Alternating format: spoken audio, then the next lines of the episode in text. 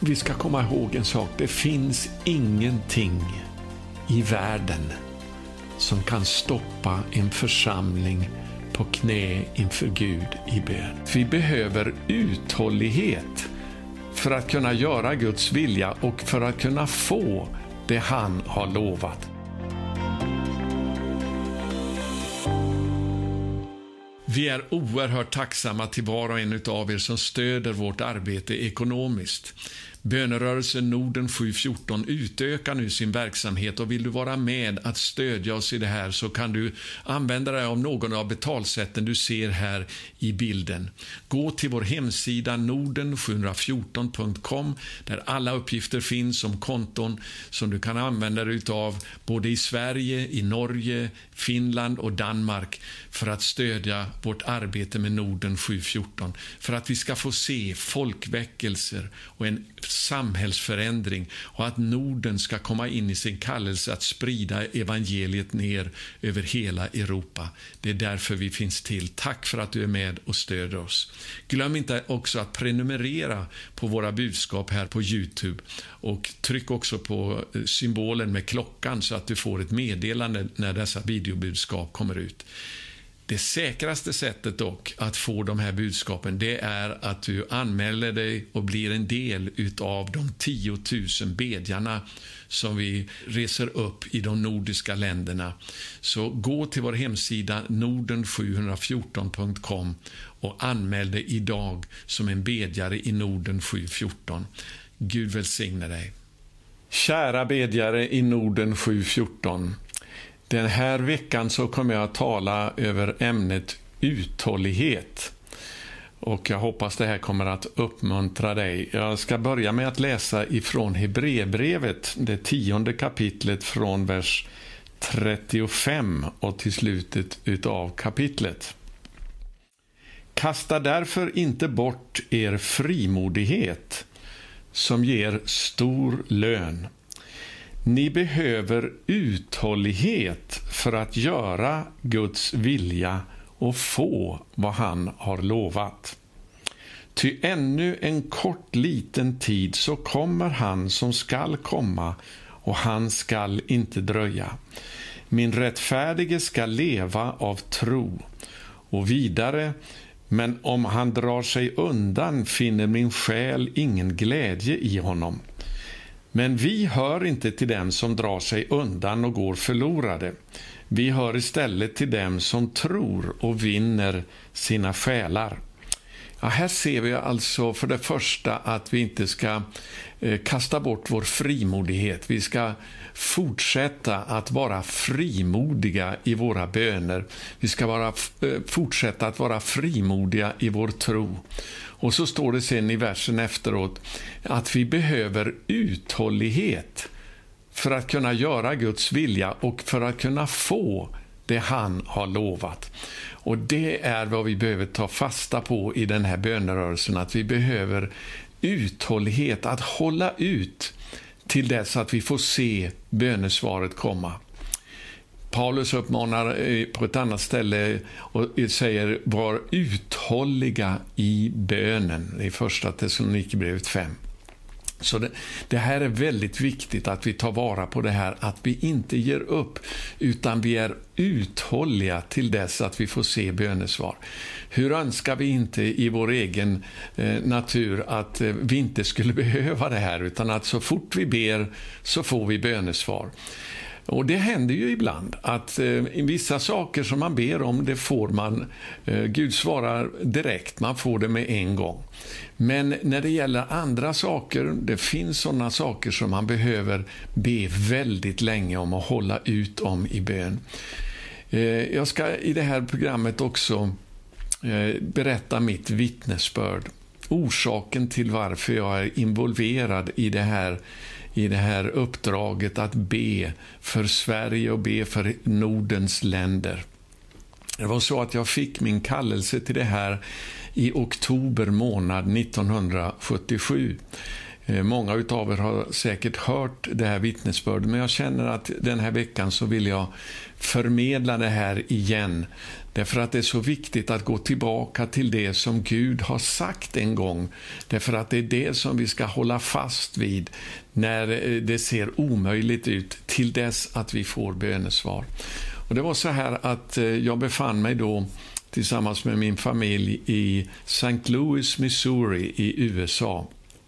Eh, jag tillbringade en tid där, eller vi tillbringade en tid där i en härlig församling som heter Faith Fellowship som leddes av eh, eh, pastor Roland och Carrie Smith. Eh, de hade kallat oss att komma över dit för att vara i församlingen ett tag och det var en väldigt uppmuntrande tid för oss. Och en av de veckorna som vi var där så bestämde jag mig för att jag skulle sätta åt sidan tre dagar till bön och fasta för att söka Guds vilja för min framtid. Det var lite ovisst vad Herren eh, ville att jag skulle fortsätta med vid det laget. Och eh, Jag önskade själv att jag skulle kunna få stanna kvar i USA för att skaffa mig en teologisk utbildning. Det var vad jag längtade efter. Men jag bestämde mig för att eh, jag skulle söka Herren om saken, så jag satte åt sidan de här tre dagarna för att vara ensam med Gud och söka honom för hans, eh, om hans vilja för mitt liv. En av de dagarna när jag bad så blev jag plötsligt så överväldigad utav en sån intensiv längtan efter att få se väckelse. Det var så att jag hade börjat att tjäna Herren eh, i Jesusväckelsen när den kom till Sverige 1971. Så nästa år, 2021, är det faktiskt 50 år som jag har varit i heltidstjänst för Herren. Och I början av 70-talet så fick vi se hur stora skaror kom till tro och blev frälsta. Jag blev involverad i ett evangelisationsarbete där vi reste mycket i Norge också. Och Jag glömmer aldrig när vi, eh, när vi kom speciellt till eh, västkusten där i Norge, till Stavanger och fick be för människor kväll efter kväll, fullpackad kyrka eh, i centrala Stavanger. Vi var tvungna att stänga eh, dörrarna till kyrkan innan mötet började därför att det var redan överfullt. Och så höll det på kväll efter kväll. Och vi bad för människor till frälsning, till andens dop, så länge vi fick hålla på till dess att vaktmästaren faktiskt till slut sa att nu måste jag gå hem, jag släcker lokalen. Det var runt midnatt, nu får ni komma tillbaka imorgon igen. Och så fortsatte samma sak. Eh, och Det här hände ju inte bara i Stavanger, det hände på andra platser. I Sverige så var det väldigt många ungdomar som kom till tro. Faktum är att i början av året 1971 så bröt en väckelse ut bland ungdomen i min hemstad där jag då bodde, i Ulricehamn gick på gymnasiet där och eh, den sista terminen då, så eh, den 2 januari 1971 så började väckelsen att skjuta fart människor som aldrig hade gått i kyrkan någonsin. Eh, plötsligt så får de en ingivelse att eh, eh gå, med, eh, gå in i eh, en kyrka. Man hade ingen aning om vad det var som pågick och just då höll man på att inbjuda till frälsning. Eh, jag vet speciellt, det var två stycken som, som eh, berättade om det senare. Eh, att de hade gått på gatan utanför kyrkan, höga på narkotika och plötsligt sa de “Kolla här är en kyrka, ska vi inte gå in här och, och se vad som pågår?” Och just då inbjöd man till frälsning och de sa till varandra “Hej, vi, vi går fram och ser vi, och, och, och beder som de andra. De blev frälsta, totalt förvandlade, andedöpta. Och så där fortsatte det i flera månader. Eh, då många kom till tro. Men nu var det 1977 och eh, väckelsen hade avstannat. Jag såg inte längre det här som vi hade sett i början på 70-talet i Jesusväckelsen. Och det här överväldigade mig under tiden jag var i bön, så att plötsligt så började jag att ropa till Gud av allt vad jag kunde. Jag sa, Herre, jag tänker inte släppa hjälpa dig med mindre än att du sänder en väckelse igen. Och jag minns att jag blev riktigt uppskrämd när jag hade sagt de där orden, för jag tänkte, vad är det jag säger för någonting? Och det var ju så att jag hade ju inte alls planerat heller att be för det där. Jag hade ju, var ju eh, i, i, eh, sökte Guds vilja för mitt liv. Eh, det här med väckelse var inte någonting som jag hade tänkt att bedja för. Men det var som sagt var den här längtan bara välde upp inom mig. Och därför så ropade jag ut de här orden. Herre, jag tänker inte släppa dig med mindre än att jag ser dig sända en väckelse igen. Det var som hela mitt liv hängde på det här att meningen med mitt liv hängde på att få se väckelse. Och det var underliga var att så fort jag hade sagt de där orden så eh, avbröt mig Herren och talade väldigt starkt till mig. Ord som jag fortfarande kommer ihåg. Jag har inte glömt dem än idag. Det är alltså 43 år sedan det hände nu, lite drygt. Herren sa, jag kommer att sända en väckelse som blir mycket större än den ni någonsin har sett tidigare i hela historien. Jag blev helt överväldigad av de där orden. Vad är det jag hör? Det hade jag ju inte ens bett om. Jag hade bett om att få se åtminstone det som vi, jag hade varit med om i, eh, tidigare då i början av 70-talet när Jesusväckelsen gick fram. Men här säger alltså Herren, jag kommer att sända en väckelse som kommer att bli mycket mycket större än den ni någonsin har sett tidigare i hela historien. Men så kom det de här orden, men det kommer enbart att ske i samma utsträckning som ni ber. Och de där orden, de fäste sig djupt i mitt hjärta. Eh, här säger alltså Herren att jag har planerat att sända en väckelse. Det är Gud som vill den här väckelsen mer än vi vill det. Och han har planerat att sända den. Men, sa Herren, det här kommer bara att ske i samma utsträckning som ni ber. Och det gensvar jag gjorde till de orden det var ju att jag sa, Herre, om det är så du har tänkt att det ska ske, då vill åtminstone jag göra vad jag kan för att be om det här. Och Det blev alltså min kallelse till bön. Och Herren sa till mig att du ska inte stanna kvar i Amerika, utan du ska åka tillbaka till Sverige. Och Där ska du söka kontakt med människor som du kan börja be tillsammans med, för det är det uppdrag som jag nu ger dig. Så vi Eh, beslutade min fru och jag att åka tillbaka till Sverige, precis som Herren hade sagt. Och Herren sa också till mig att specifikt du ska ta kontakt med Kjell Sjöberg. Många av er vet vem han var, en fantastisk internationell böneledare, en bönegeneral. Herren sa till mig du ska ta kontakt med honom, för han kommer att bli nyckeln till den tjänst som jag har kallat dig till. Och sedan under, eh, eh, jag vet inte hur lång tid det tog, men när jag hade fått den här kallelsen så började Herren också tala till mig. Dels om varför vi behöver be, eh, bönens hemlighet. Att det är när vi vet vad som är Guds vilja, det är då vi kan börja be med kraft. Och Det är därför vi är kallade till att vaka och be. Därför det är när vi vakar för att höra ifrån Gud som vi kan få veta vad han vill. Och det är då, när vi ber det som Gud säger, det han vill, det är då vi vet att vi har bönesvaret. Det står det ju om i första Johannes kapitel 5. Det här blev en sån viktig Eh, uppenbarelse för mig i den bönetjänsten som Gud kallade mig till. Vers 14 och 15 här i första Johannes 5. Och detta är den tillit vi har till honom, att om vi ber om något efter hans vilja, så hör han oss. Och när vi vet att han hör oss, vad vi än ber om, bara alltså att det är Guds vilja, så spelar det ingen roll vad det är, litet eller stort, materiellt, andligt, vad det än är. Det Gud visar oss att vi ska be för. Om vi ber för det, då vet vi att han hör oss. Och så står det, då vet vi också att vi redan har det som vi har bett honom om. Det är hemligheten till framgångsrik bön. Det är att ta reda på vad Gud vill att vi ska bedja om, för då får vi bönesvar. Men det som Gud visade mig också, det här är viktigt, det är det jag vill komma fram till i det här vittnesbördet. Det Gud visade mig då när jag var i bön och han kallade mig till bön för Sverige, och inte bara för Sverige utan Skandinavien och Norden.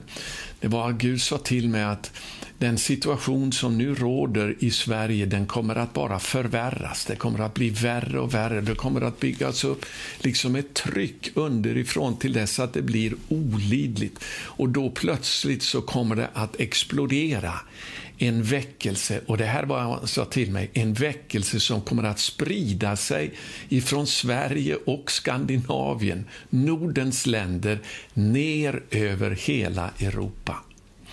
Jag hade aldrig hört talas om någon som hade talat om det tidigare. Det här var någonting som Gud visade mig under den där tiden jag var på knä i bön och fasta inför Gud eh, i St. Louis, Missouri.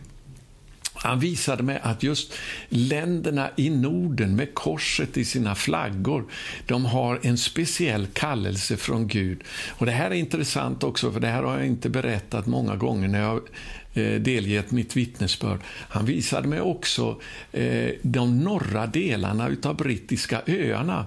Därför att där kommer det också att vara en utgångspunkt för väckelse som kommer att sprida sig ner över England och sedan in över Europa.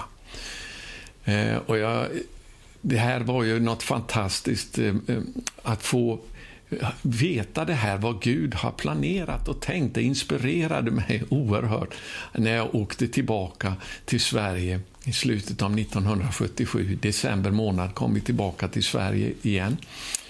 Och Vi slog oss ner så småningom i Göteborg där vi då fann eh, vänner som hade börjat att också att be och fasta för inte bara Göteborg utan också för Sverige. Vi startade då eh, utifrån ett eh, nedlagt soldathem i Göteborg, Örlogshemmet i Västra Frölunda. Det började vi en bönetjänst som sedan fortsatte i tio års tid. Det var en fantastisk tid där vi fick se väldigt många bönesvar. Och 1981 så sa Gud till mig, nästa år, alltså 1982, så kommer du att få se en början av det jag visade dig 1977 när jag kallade dig till bön. Och Det här gjorde mig väldigt förväntansfull. Då hade jag börjat att arbeta i ledarteamet för förebedjar för Sverige tillsammans med Kjell Sjöberg och Claes-Göran Bergstrand. Och jag skrev om det här då i vårt eh, nyhetsbrev, eller bönebrev, som kom ut eh, genom förebedjare för Sverige att vi ska vara eh, inställda på att 1982 så kommer det att hända någonting. En väckelse som kommer att bryta fram. Och Det var ju också en speciell andeutgjutelse som kom över Sverige med en väckelse kan man säga 1982.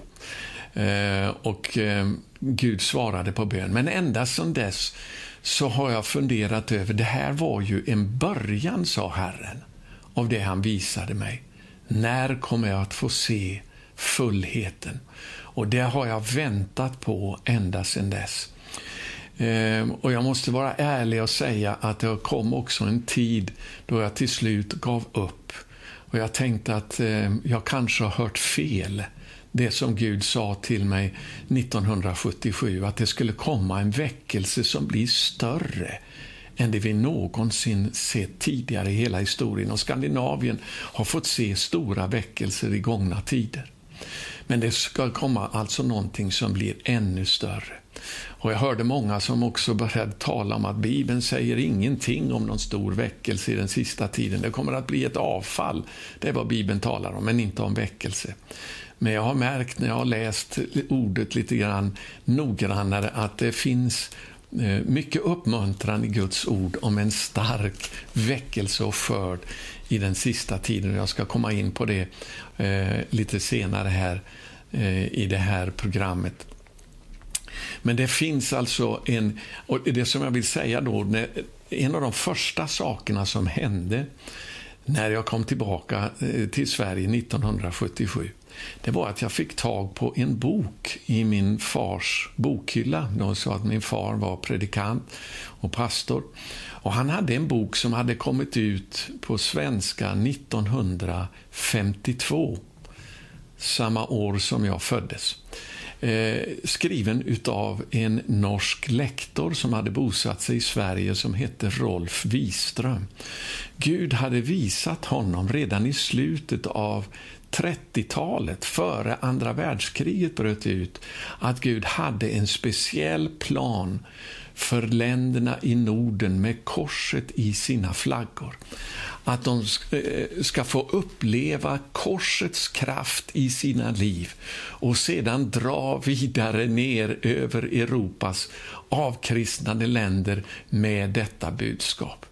Och när jag läste det där så blev jag så tagen av de här orden för jag, jag sa till mig själv, men det var ju precis det här Gud visade mig 1977. Eh, ja, då var det alltså redan samma år alltså. Eh, när, när jag fick kallelsen till bön för Sverige och Skandinavien. För det var inte bara till Sverige Gud visade mig, utan det var precis det här som Rolf Wiström skrev. Länderna i Norden med korset i sina flaggor. Det är de som kommer att få eh, uppleva en väckelse som kommer att sprida sig ner över hela Europa. Och en liten början av det där fick vi se 1982 när eh, en andeutgjutelse kom till Sverige.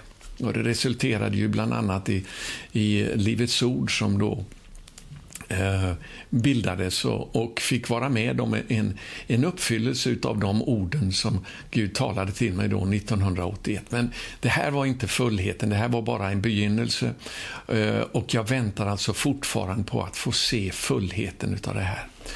Men så småningom, så, även om jag fick se väldigt mycket bönesvar under speciellt de här tio åren som vi bad från 1978, då bönerörelsen eh, som jag blev involverad i drog igång eh, utifrån Göteborg och så småningom då jag blev involverad i Förber för Sverige. Vi bad i minst tio år. 1988 eh, var det som jag också eh, Gud använde mig till att eh, kallas samman till det vi kallade för det stora bönemötet i Örebro eh, i ishallen där, Toyotahallen, då det var 5 000 ungefär som samlades under tre dagar för att fasta och be om väckelse i Sverige. För då hade Gud sagt till mig nämligen eh, så här, eh, trots den här trosrörelsen som då hade brutit fram så sa Gud till mig, eh, när han kallade mig till att eh, pålysa det stora bönemötet. Eh, ni har ingen väckelse eh, i det här landet, varken i nya eller i gamla församlingar. Och då var det ju en väldigt stor eh, splittring mellan de nystartade församlingarna och de etablerade gamla församlingarna i, Sverige och Norge och Finland. Och över hela Norden faktiskt. Men Gud sa till mig, ni har ingen väckelse, vare sig nya eller gamla församlingar.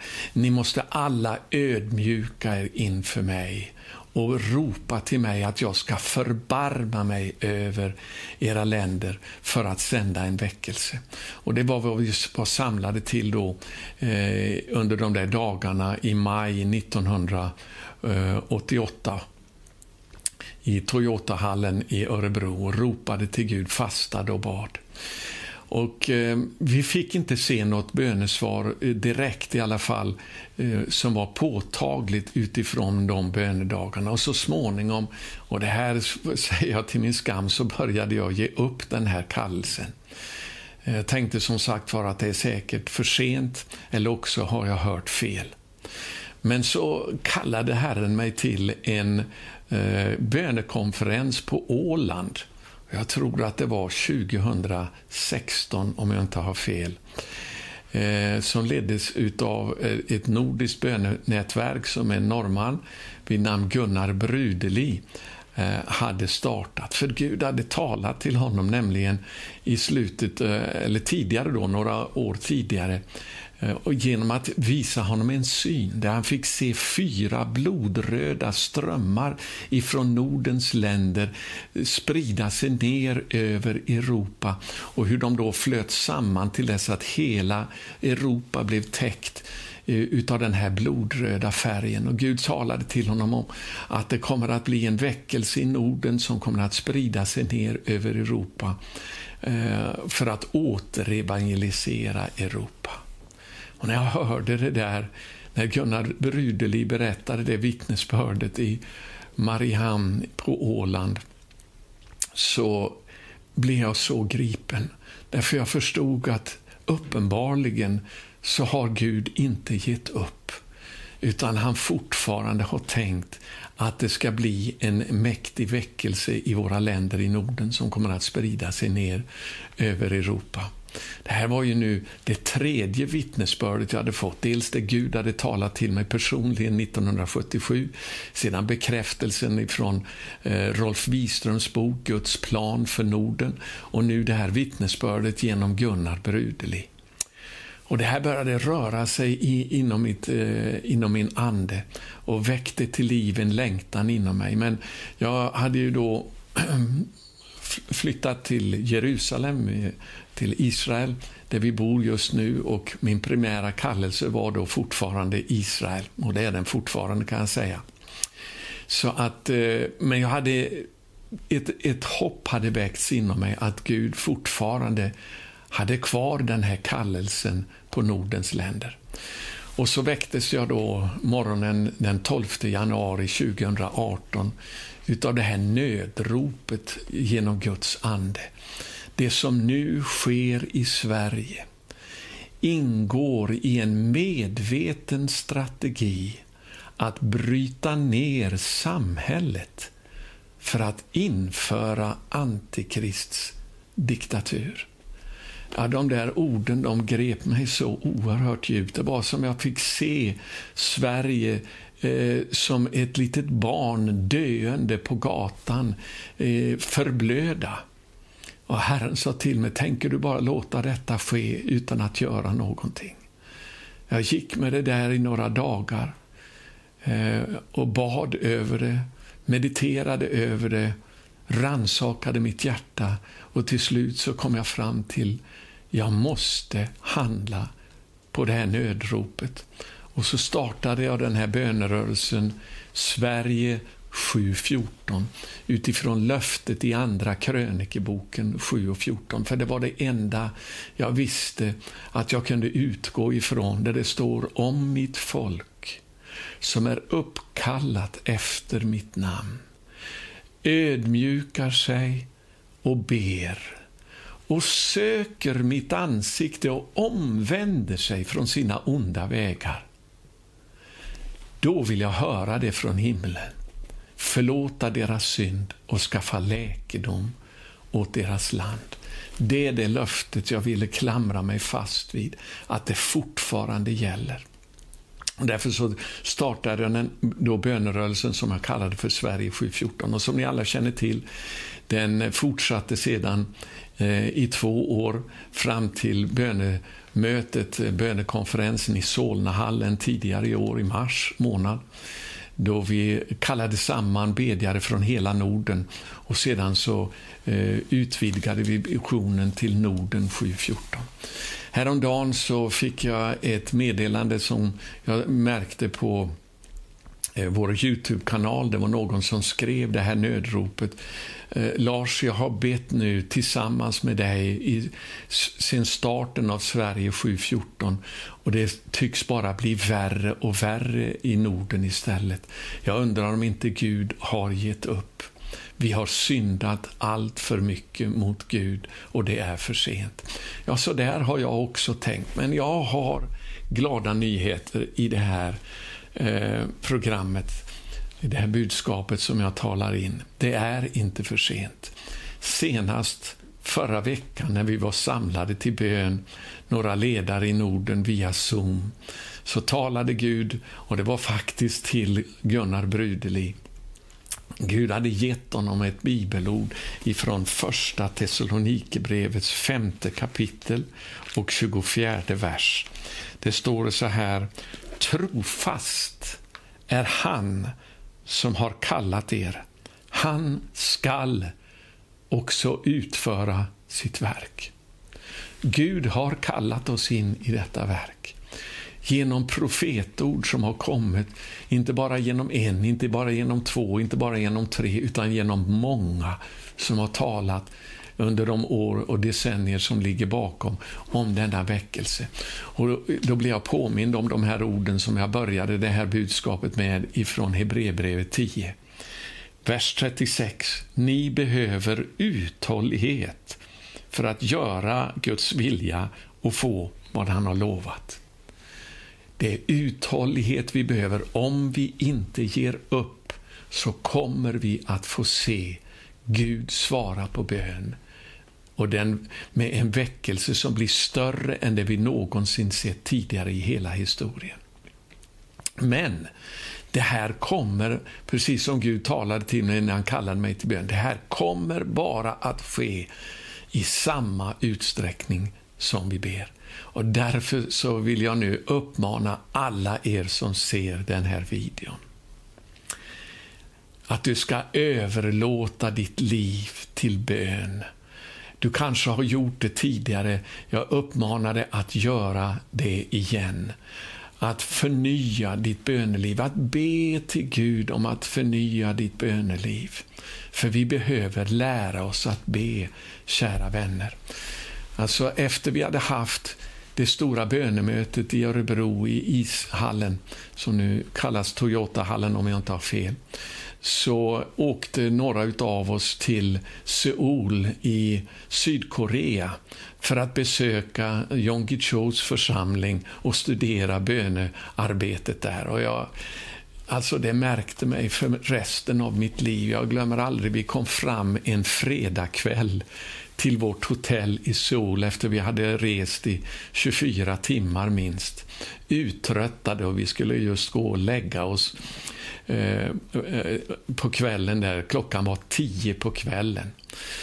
Eh, och då var det min, min, eh, en av mina reskamrater som sa till mig att vi måste ta reda på eh, innan vi går och lägger oss här nu när nästa bönemöte är i kyrkan så att vi kan få vara med från början. För det skulle vara en bönekonferens som startade eh, veckan därpå. Men eh, vi ville veta när det första bönemötet i kyrkan var. Så jag tog och ringde till kyrkan tio på kvällen tog en chans för att se, kanske åtminstone när det fanns en telefonsvarare som kunde ge besked. Jo, mycket riktigt. Det var eh, en, jag tror till och med det var en telefonissa som svarade.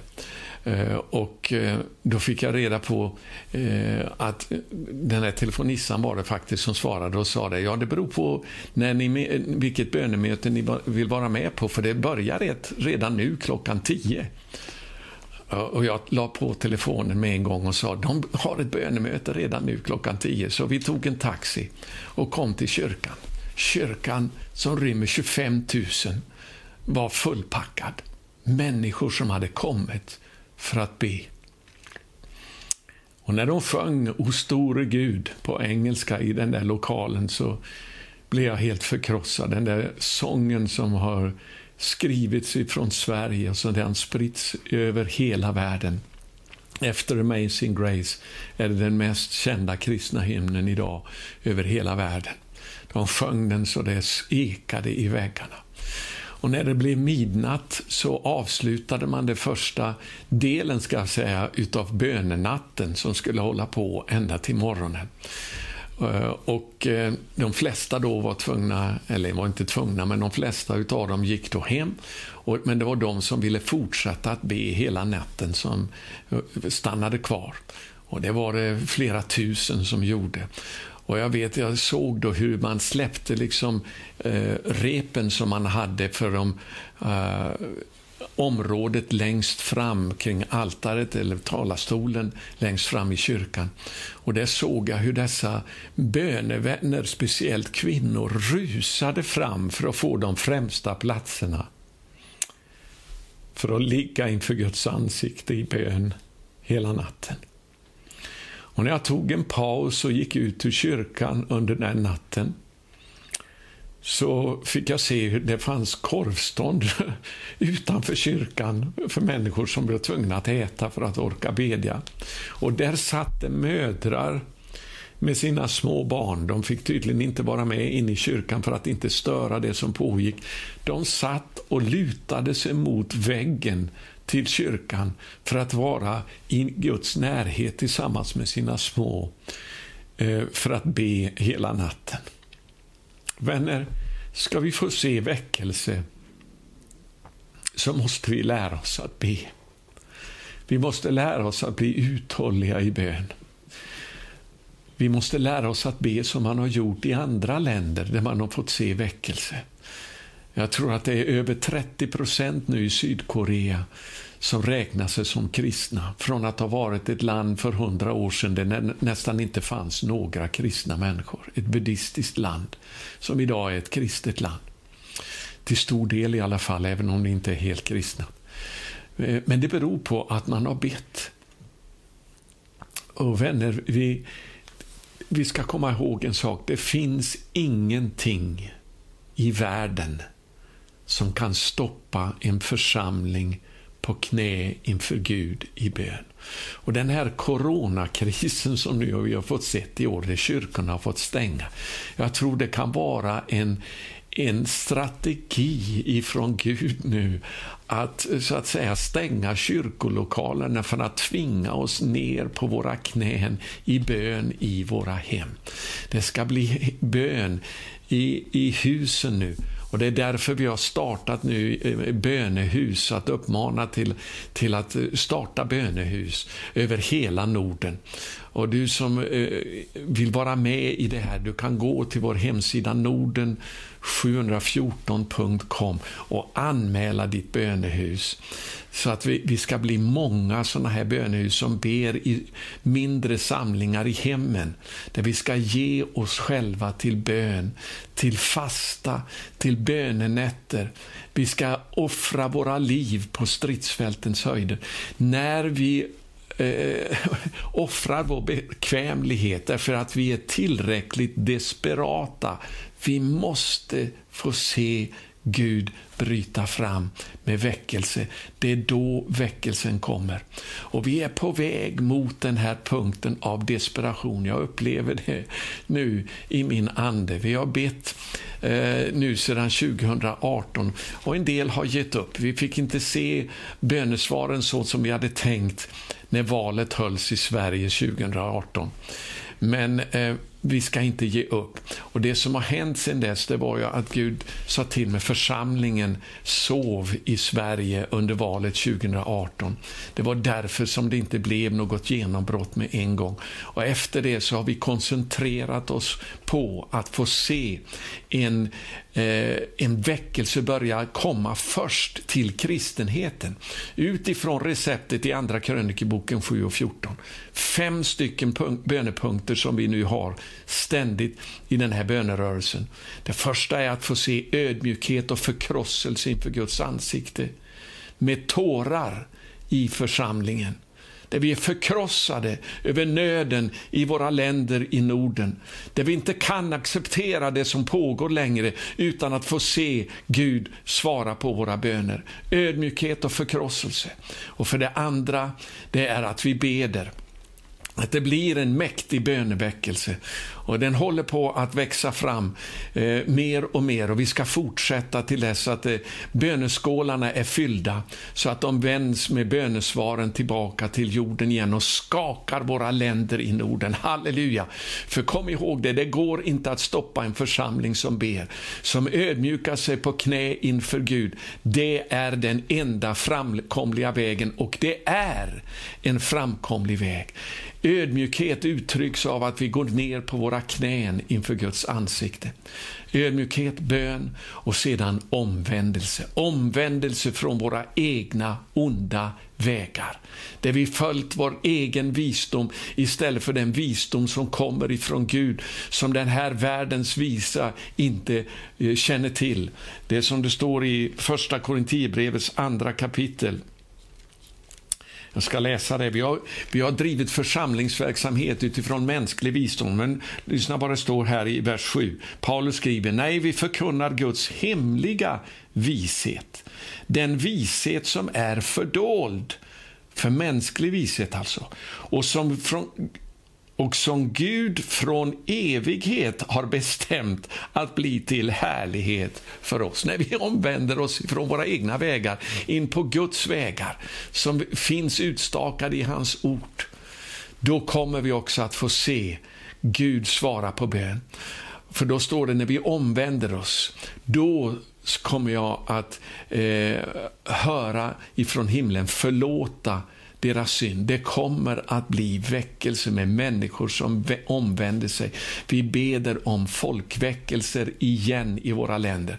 För om det stämmer det Gud talade till mig om att vi kommer att få se en väckelse som blir större än någonting annat vi har sett genom hela historien, så betyder det att det kommer även att eh, överskugga folkväckelserna i slutet på 1800-talet. Och, och det förvandlade våra länder i Norden, de folkväckelserna. Vi ska be om att vi får se det igen. Vi vet inte hur länge den kommer att vara, men en genomgripande väckelse. Och då kommer vi också att få se en samhälls... Eh, reformation med gudfruktiga regeringar som kommer att, eh, vi kommer att få se i våra länder i Norden igen. Ja, det är vår målsättning och vi ska inte ge upp förrän vi får se det eller Herren tar oss hem. Halleluja, vi ska ge oss själva till bön för det finns ingen annan väg. Eh, men det är en framkomlig väg. Halleluja, profetiska vittnesbörd som vi har fått eh, under de årtionden som ligger bakom, det är uppmuntran för oss att kämpa den goda kampen till dess att vi får se bönesvaret. Jag ska läsa om det här ifrån, eh, vi ska se, det är uh, första Timotebrevet är det väl.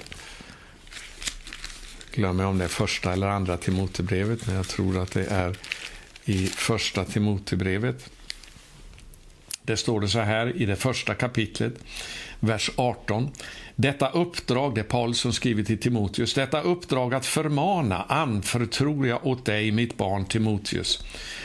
Och så står det så här, i enlighet med det profetord som en gång uttalades över dig. Ja, här gäller det alltså uppmaningen, eller kallelsen ska jag säga, att predika som Timoteus hade fått. Men det gäller vilken kallelse det än är som har uttalats genom profetord. För att du i kraft av dem ska kämpa den goda kampen. Ja, vi ska inte ge upp förrän vi får se en uppfyllelse av det profetord Gud har talat över Nordens länder gång på gång under de årtionden som ligger bakom.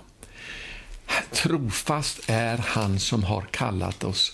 Han skall också utföra sitt verk.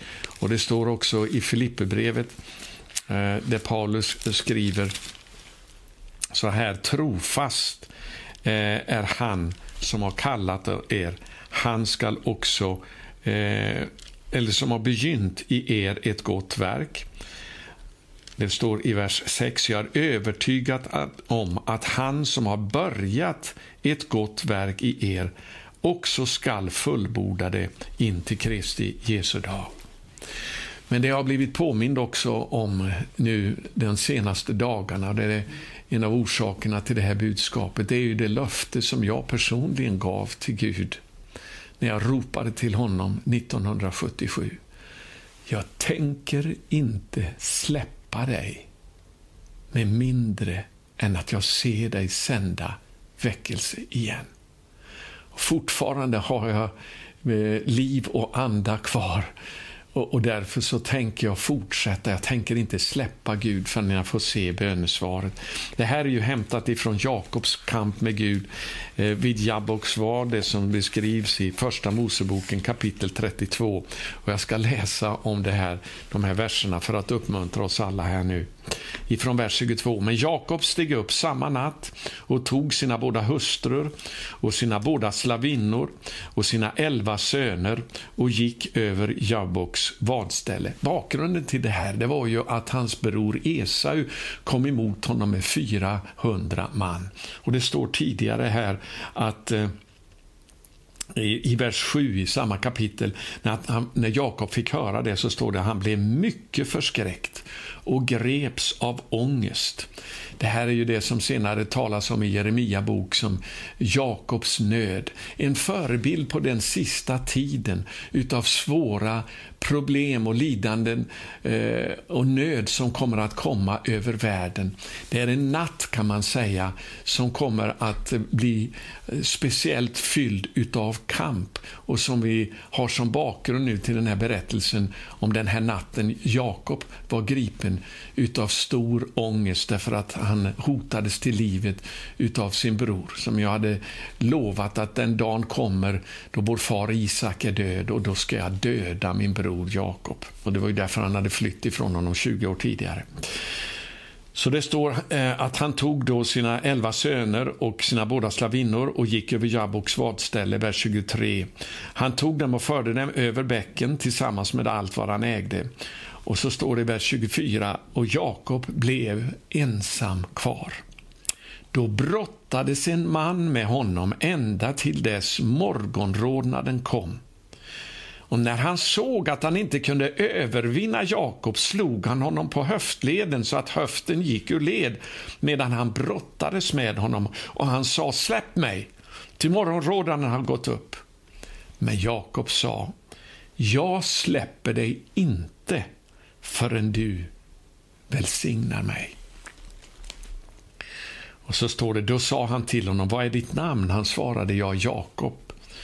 Han sa, du ska inte längre heta Jakob utan, utan Israel, ty du har kämpat med Gud och med människor och segrat.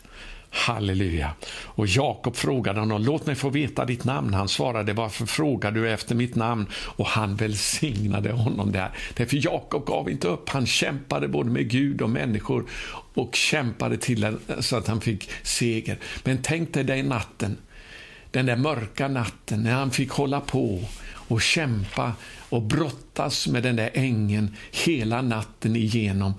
Och till slut så blev han slagen på höften så att höften gick ur led. Och ängeln sa, ge upp nu, släpp mig, därför morgonrodnaden har börjat gå upp.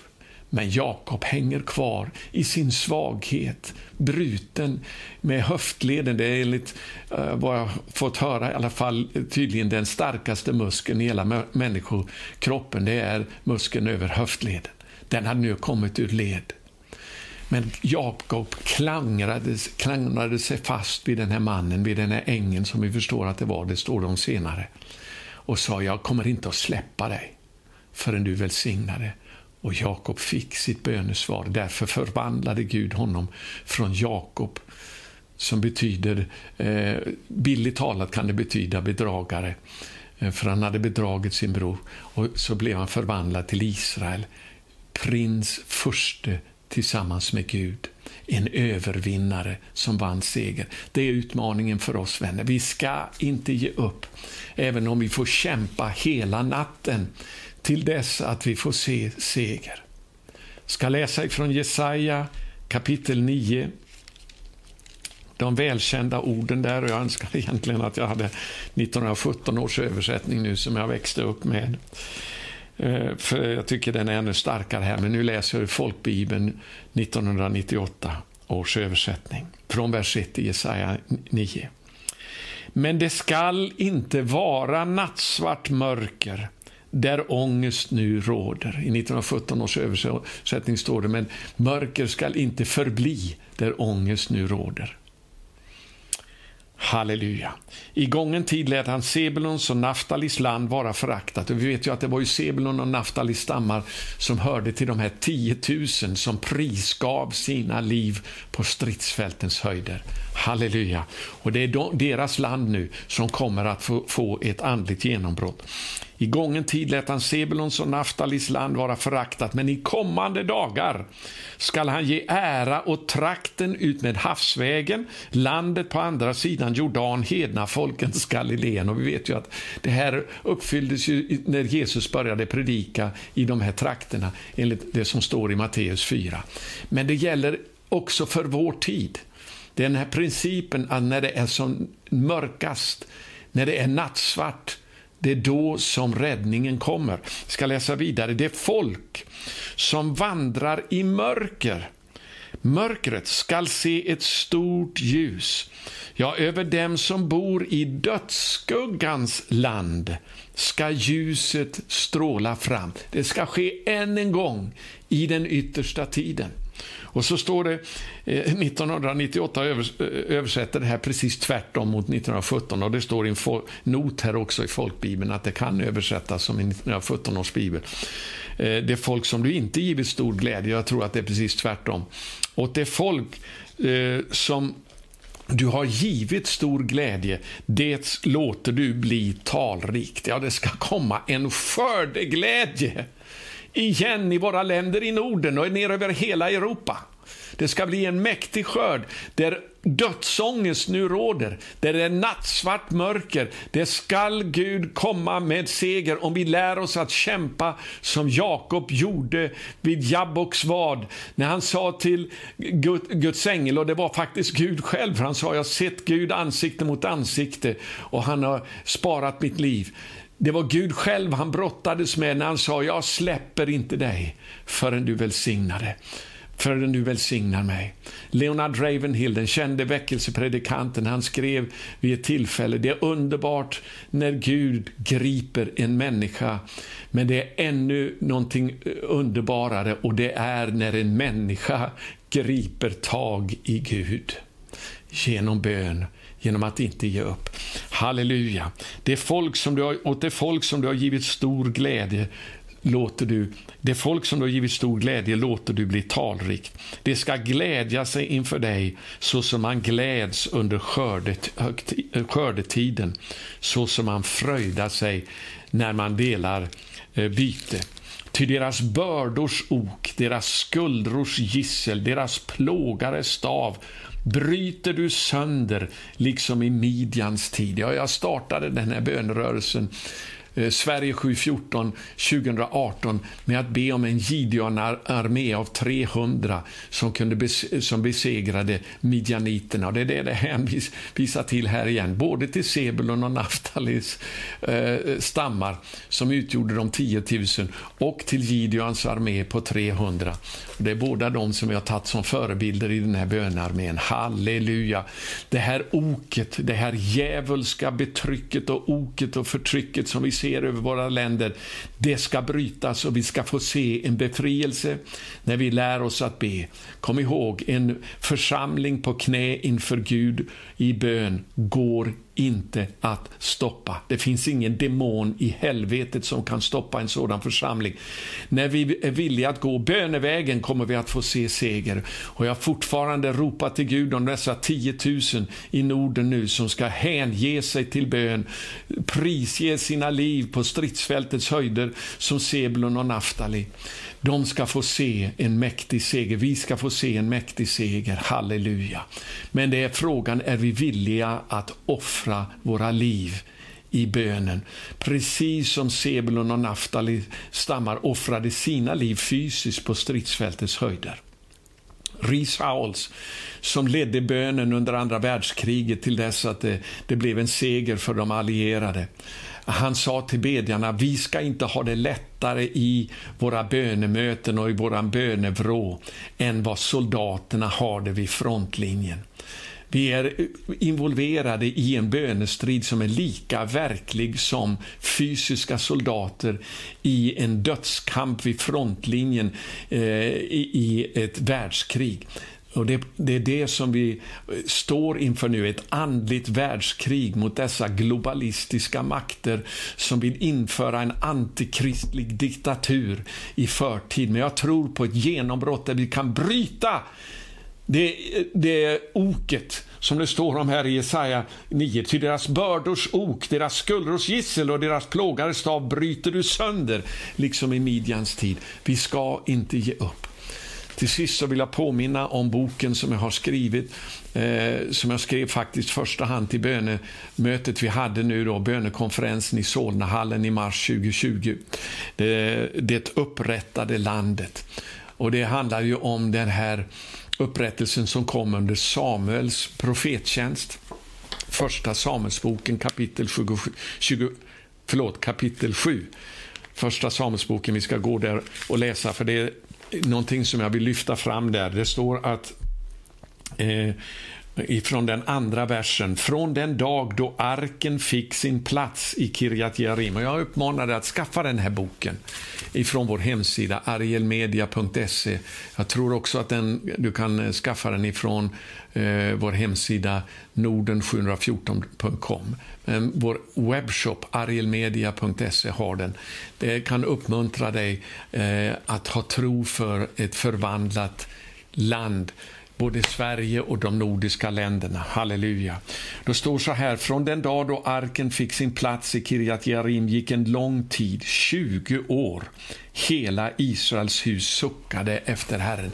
Det var en bönekamp i 20 år innan det avgörande eh, genombrottet kom emot filisterna som hade förtryckt Israel och plågat dem under så många år. Vänner, det kan ta tid ibland. Vi behöver uthållighet för att kunna göra Guds vilja och att få det han har lovat. Och Det är det jag vill uppmuntra om.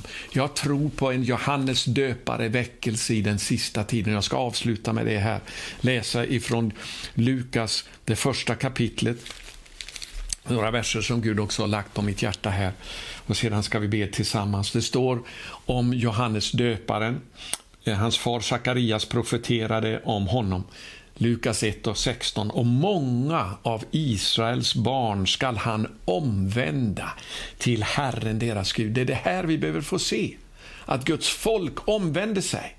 Och Det kommer att ske på samma sätt som det skedde genom Johannes döparen. Det står så här, han ska gå framför honom, det vill säga framför Herren, framför Messias, i Elias ande och kraft för att vända fädernas hjärtan till barnen och, det o, om, eh, och omvända det olydiga till ett rättfärdigt sinnelag.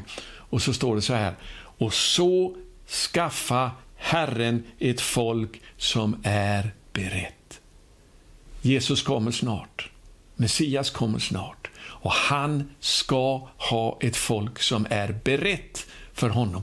Hur kommer det att ske? Jo, genom att Elias ande och kraft utgjuts över oss igen i den sista tiden i en profetisk väckelse, precis som det skedde när Johannes döparen kom i Elia ande och kraft och fick omvända folket tillbaka till Herren. Gud ska ha ett välberett folk i den sista tiden.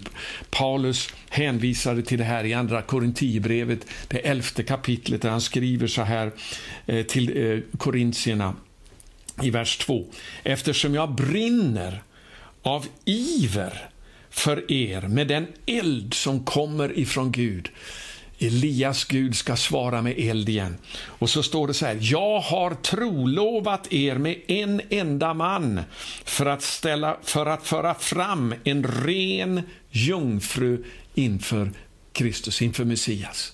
Det vill säga att skaffa ett folk berett inför Herren när han kommer. Det var också Paulus Eh, eh, kallelse att skaffa ett folk, en brud för brudgummen, för Messias. Det är vårt uppdrag också i denna sista tid. Och Därför så skriver Paulus också i Efesierbrevet, det femte kapitlet, där det står så här ifrån vers 25. Ni män älska era hustrur så som Messias har älskat församlingen och offrat sig för den, för att helga den sedan han renat den genom vattnets bad i kraft av ordet, ty han ville ställa fram församlingen inför sig i härlighet, utan fläck eller skrynkla eller något annat sådant. Helig och fullkomlig skulle den vara. Hur kan Messias, hur kan Kristus få en sån församling i vår tid? Jo, genom att vi utför den tjänsten i den helige Ande, där Kristus får utföra den tjänsten genom oss. Apostlagärningarna inleds med att säga detta är vad Jesus började göra och lära Eh, och hur det sedan fortsatte genom apostlarna.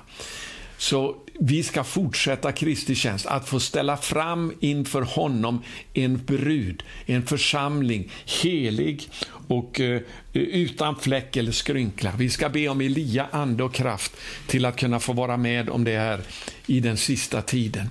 Halleluja. Lejonet ska snart börja ryta igen i Nordens länder. Den här tjänsten från Guds ande, denna profetiska tjänst, ska uppresas snart i våra länder. Jag ska läsa ifrån eh, Amos, det tredje kapitlet. Jag ska gå i bön här alldeles strax. Men Amos kapitel 3, eh, där det står i den åttonde versen så mäktiga ord. Ja, först så står det i vers 7, till Herren, Herren göra ingenting utan att uppenbara sin hemlighet för sina tjänare profeterna. Och en del av det är ju vi har talat om här, de profetior som har talats ut över Nordens länder om en mäktig väckelse. Men så står det i vers 8, det är det här som vi ska börja få se igen nu genom predikanter uppfyllda av Elia, ande och kraft i våra länder i Norden. Gud har lagt på mitt hjärta att starta en ny predikantorganisation i Norden för att resa upp predikanter fulla av Elia, ande och kraft till att omvända ett folk som är välberett inför Herren när han kommer. Det står så här, när lejonet ryter, vem skulle då inte frukta? När Herren, Herren talar, vem skulle då inte profetera? Ja, den väckelsen ska vi be om, den profetiska väckelsen ska vi be om i Nordens länder. Fader i himmelen, jag tackar dig för att du har rest upp den här bönerörelsen Norden 714. Jag tackar dig för varenda bedjare som har börjat att mobiliseras i den här armén av 10 000 bedjare som offrar sina liv på stridsfältens höjder precis som Sebulons och Naftalins stammar gjorde. Herre, jag ber att den bönen, bönens ande kommer över oss som aldrig förr. Vi lär oss att be som man har gjort i Sydkorea, där man har fått se väckelsen bryta fram. I Uganda, där man har fått se hela nationen vända om. Det man har gjort i andra länder under gångna tider. Herre, låt det ske i våra länder i Norden. Jag ber dig att du reser upp denna bönetjänst, Herre, ännu starkare. Och så ber vi att Elia ande och kraft ska komma över förkunnare i den sista tiden till att omvända ett folk som är berett inför dig när du kommer så att du kan sända folkväckelse och samhällsreformation. Herre, vi tackar dig för de profetord som du har givit till oss under gångna tider. Att vi ska i kraft av dem strida den goda striden, trons goda kamp, i uthållighet, i bön, på våra knän inför ditt ansikte till dess att vi får se bönesvar. Tack för att du är en trofast Gud. Trofast är du som har kallat. Du skall också utföra ditt verk. Vi överlämnar oss på nytt åt dig. Vi lägger oss på ditt altare, Gud, för att din eld ska falla över våra liv. Elden till att kunna be, elden till att kunna predika. Tack för att du vill göra det än igen. Än en gång, Herre. Du svarar på bön. I Jesu välsignade namn. Är du inte med ännu i den här bönerörelsen Norden 714? Anmäl dig, överlåt dig till att börja åtminstone med sju minuter på knä varje dag i bön. Och låt sedan det här bönelivet växa till dess att det, det, blir en passion i ditt liv att tillbringa så mycket tid som möjligt i bönekamp, precis som när Jakob kämpade vid Jabboks vad, till dess att Herren välsignade. Gå till vår hemsida norden714.com och anmäl dig. Tack för att du är med. Gud välsigna dig.